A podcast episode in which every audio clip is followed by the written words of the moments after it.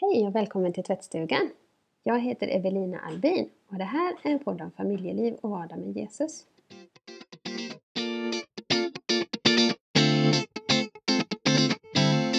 I tidigare avsnitt har jag berättat om en tallriksmodell för familjer. En hjälp att skala ner vilka delar vi behöver i familjelivet för att vi ska må bra tillsammans som familj och för att skapa ett gott klimat där barnen kan få möjlighet att odla en personlig tro. Delarna i tallriksmodellen är en fusion kan man säga av en bok som heter Vad alla föräldrar borde få veta och en forskningsrapport som heter Households of Faith. Lyssna gärna på tidigare avsnitt om ni inte har gjort det.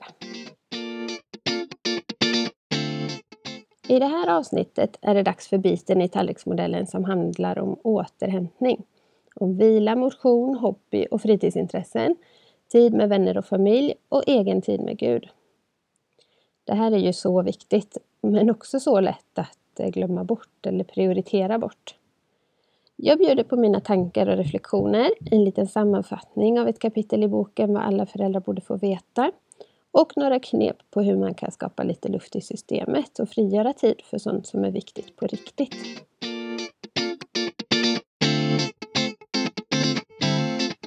Innan vi börjar så behöver jag göra en korrigering från förra avsnittet.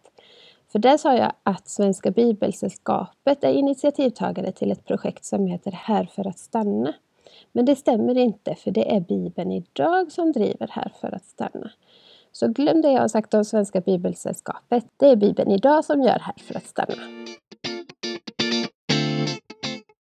Sen har jag märkt att jag ofta säger barnen i plural här i podden. Och det kan ju bli lite dumt om det uppfattas som en outtalad norm att man måste ha flera barn. För jag är helt medveten om att du som lyssnar kanske inte har barn i plural. Så när jag säger barnen här så tänker jag mer på våra barn tillsammans, dina och mina. Så jag vill bara säga det så ingen ska känna sig exkluderad.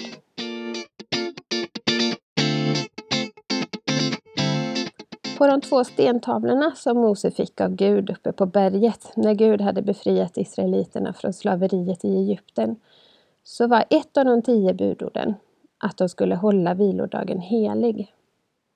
Jag tänker att Gud gav de tio budorden för att han vet vad som är bra för oss människor och för att hans folk skulle vara annorlunda än alla andra runt omkring. Och genom att Jesus dog den där påsken för 2000 år sedan så har ju vi också blivit befriade från slaveri och adopterade in i Guds eget folk. Att inte stjäla, inte döda och inte vara avundsjuk på andra och inte vara otrogen är ju bud som vi, vi mer eller mindre har lätt att hålla. Men att hålla vilodagen helig och faktiskt vila inom sju dagar är något som jag och säkert många med mig bryter mot på lite mer regelbunden basis. Det är svårt att hitta en balans eller hållbarhet i det här. Det känns som att jag har varit och hälsat på i de flesta diken som finns kring återhämtning och vila och fritidsintressen och sånt. Från att inte ha haft några särskilda intressen, eller snarare att engagemanget i kyrkan har varit hela min fritid, till att i början av vårt äktenskap inte riktigt veta vad jag vill och så har vi anpassat oss till varandra, prioriterat tid tillsammans och velat vara varandra till lags. Så att jag kanske omedvetet inte helt vågar tänka eller uttala vad jag själv vill. Och så har vi nästan låst varandra i det. Till att inse att vi behöver odla lite egna intressen och framförallt ge oss själva tid ifrån varandra ibland. För att det ger oss ny energi in i vardagen och relationen. Och sen till att finna mig med väldigt många intressen. Odla, virka, sticka, försöka skriva fina bokstäver, göra tavlor, baka. Ja, ni hör. Som jag vill klämma in på den lilla fritid som finns. Så att det inte alls känns särskilt vilsamt eller återhämtande utan snarare stressigt. Och att jag blir missnöjd över att jag inte hinner med allt som jag vill istället för att känna glädje över det som jag faktiskt får möjlighet att göra. Och i perioder när jag är som tröttast och egentligen har störst behov av återhämtning har jag sällan orkat ta tag i något. Då hamnar jag lätt på soffan istället och blir bara mer orkeslös. Så hittills har livet lärt mig tre viktiga saker om vila. Nummer ett, våga hitta och hålla på med något intresse som ger energi. Du behöver det. Nummer två, Att inte göra allt samtidigt. Att välja något innebär i princip att man måste välja bort någonting annat. Och nummer tre. Planera in att komma ut, annars blir det helt enkelt inte av. För mig har det blivit extra viktigt att komma iväg hemifrån när jag har varit föräldraledig. För att det ska bli lite skillnad på arbete och ledigt på vardag och helg. Föräldraledig är ju ett konstigt ord egentligen, för man är ju inte alls ledig. Förälder på heltid kanske skulle vara mindre missvisande. För det är ju verkligen ett heltidsjobb. Det börjar i samma sekund som du vaknar och pågår hela dagen utan pauser för fika eller egna toalettbesök. Och så håller det på tills barnen somnar. Och då är man ju egentligen inte heller ledig, för då börjar jouren ifall något barn vaknar. Jag tror att Arbetsmiljöverket och facken skulle ha lite synpunkter på den arbetsmiljön faktiskt. Och så är föräldraledighet med föräldrapenning inte ens pensionsgrundande. Där. Lite gnälligt kanske. Men ibland kan det faktiskt vara befriande att få häva ur sig hur det faktiskt är eller känns ibland. Men det här är ju bara en sida av myntet. Att vara föräldraledig innebär ju också att man får vara med om alla de där härliga men flyktiga och svårfångade guldstunderna med barnen. De där leendena, kramarna eller tokigheterna de säger och finurliga grejerna de hittar på. Jag är ju så tacksam över att vi har den här möjligheten i Sverige. Att få ersättning så att vi kan vara hemma från jobbet eller gå ner i tjänst för att vara med barnen när de är små.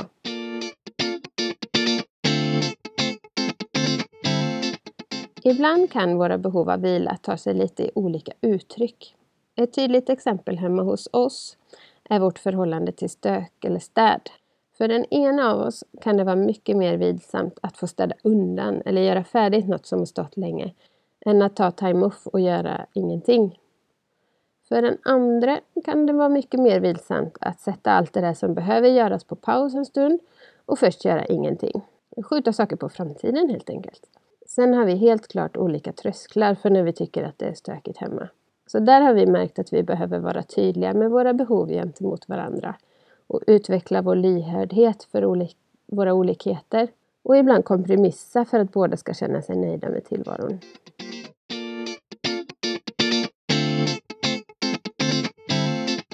I boken Vad alla föräldrar borde få veta så skriver Maria Ladoni och Kajsa Lönn om utbredd stressproblematik i samhället.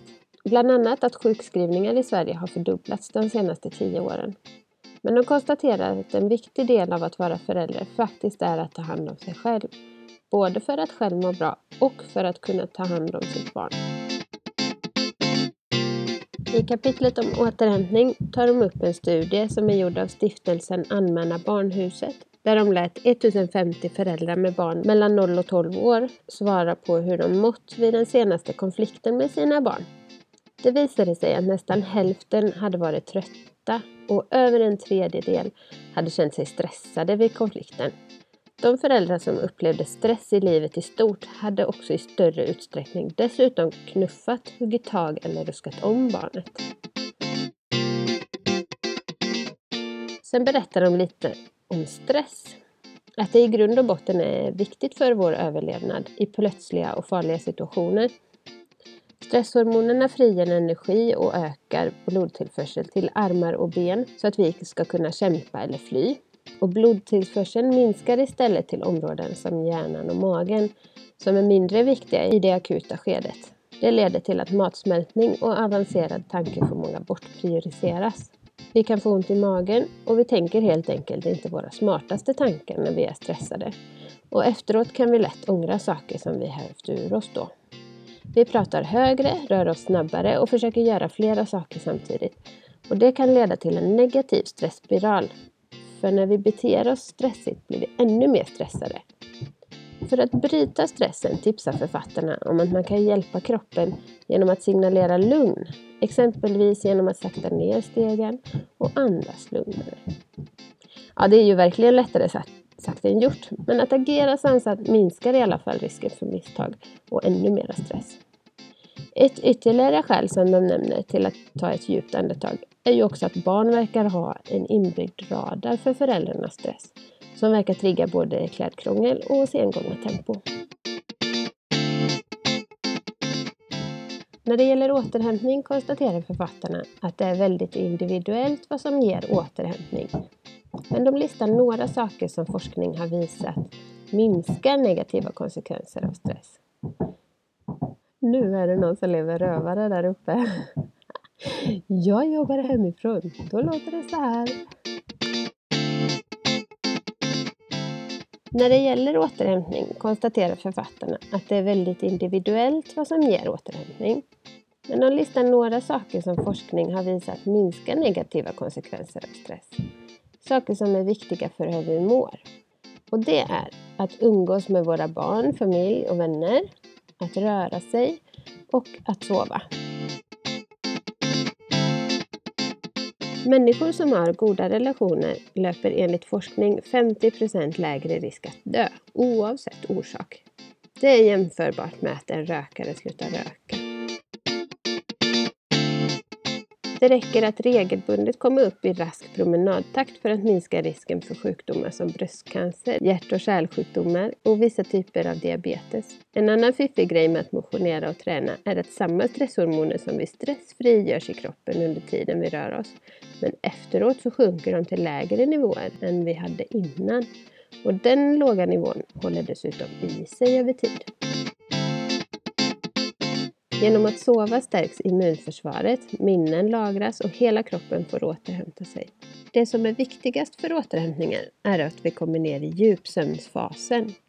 En natt med dålig djupsömn tar kroppen lätt igen, för nästa natt går den automatiskt snabbare ner i djupsömn och stannar där under längre tid.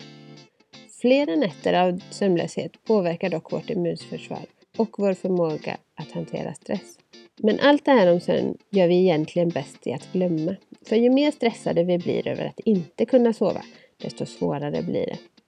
Författarna listar istället några bra råd för god sömnhygien. Att varva ner och göra någonting tråkigt utan skärmar innan man går och lägger sig. Att vara trött när man lägger sig. Att skippa kaffet efter klockan 15. Att använda sängen till det den är avsedd till.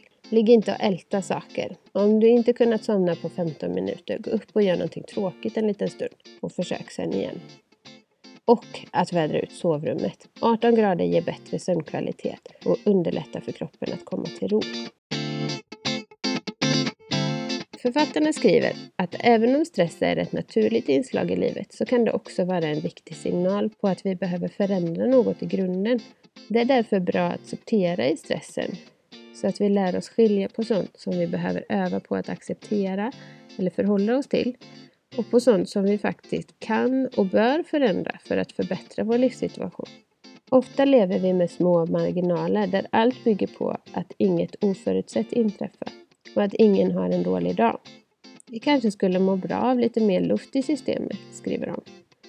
Det kan vi få till exempel genom att sänka kraven, sätta tydliga gränser och planera in oplanerad tid så att vi ger oss själva utrymme för återhämtning. Jag skulle vilja dröja kvar lite vid det här med luft i systemet och dela med mig av några tips och knep som jag har snappat upp längs vägen. Så här kommer en lista med tips för att frigöra tid för det som är viktigt på riktigt.